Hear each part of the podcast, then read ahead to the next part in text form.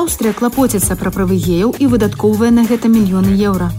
А ў гэты ж самы час недзе ў Афрыцы непаўналетніх дзяўчатак адпраўляюць замуж і нараджаць, замест таго, каб аддаць у школу. Але добра, што пераключыць увагу ад праблем і несправядлівасці сучаснасці дапамагаюць серыялы. Што чуваць у свеце і што глядзець гэтай восенню. Пра гэта у нашым кароткім аглядзе міжнародных навін. Амаль кожны дзясяты італьянец жыве ў абсалютнай беднасці.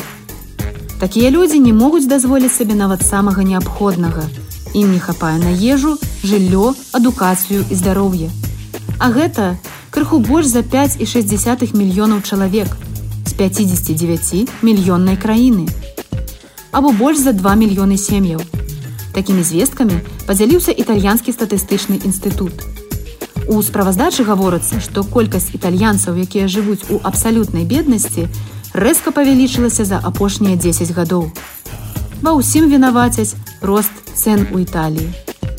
Італьянская дзяржава разумее, што інфляцыя асабліва моцна адбіваецца на жыцці сямей невысокімі доходамі. Таму грамадзяне, якія не маглі нават аплаціць рахункі за электраэнергію, атрымлівалі падтрымку ад уладаў.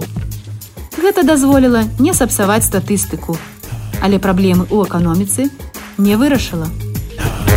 Аўстрыя выплаціць кампенсацыю геям, якіх пераследавалі. Гэта беспрэцэдэнтная прапанова міністэрства юстыцыі Аўстрыі. Урад хоча выдаткаваць 33 мільёны еўра на тое, каб выплаціць кампенсацыі несправядліва асуджаным геям. І кажуць, што нават гэтых грошай будзе недастаткова. Гаворка вядзецца пра грамадзян, якія былі асуджаныя за гомасексуальныя дзеянні паводле крымінальных артыкулаў. Яны мелі сілу ў Аўстрыі да 1971 года. Хоць апошнія з палажэнняў адмянілі толькі ў 2002 годзе. На кампенсацыю могуць разлічваць людзі, якія правялі час у спецыяльных установах і былі названыя псіхічна ненармальнымі злачынцамі. Афрыцы дзяўчаткі кідаюць школу і выходзяць замуж, бо вучыцца дорага. Базавая школьная адукацыя нават у 21 стагоддзі ўсё яшчэ раскоша. Прынамсі для 6 мільёнаў афрыканскіх дзяўчатак. Пра гэта гаворыць міжнародная арганізацыя кафмет. Яна займаецца выкараненнем беднасці ў Афрыцы праз адукацыю дзяўчат і пашырэнне правоў жанчын. Калі ў Італіі беднасць гэта проста калі не хапае грошай на добрае жыццё, то ў некаторых краінах Афрыкі гэта абазначае, што танней выдаць дзіця замуж, чым аддаць у школу. Прынамсі, такая сітуацыя ў Зімбабве, Замбіі, Гане, Танзаніі і Малаві, дзе працуе кафмет. Напрыклад, у Малаві амаль палова дзяўчатак выходзяць замуж да 18 гадоў, бо так лічыцца правільным у абшчыне.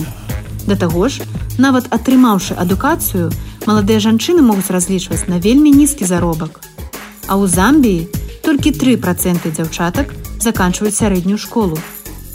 Што цікава, Анжалін Мурымірва, кіраўніца Кафмет, сама была такой дзяўчынкай, якая засталася ў школе менавіта дзякуючы падтрымцы гэтай дабрачыннай арганізацыі.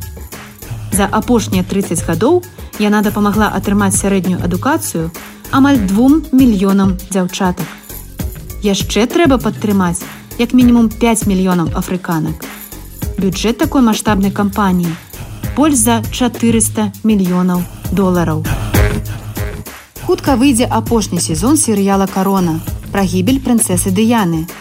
Netflix апублікаваў трэйлер апошняга шостага сезона серыяла карона пра брытанскую манархію каралеву Великабрытаніі Лізавету другую і яе сям'ю.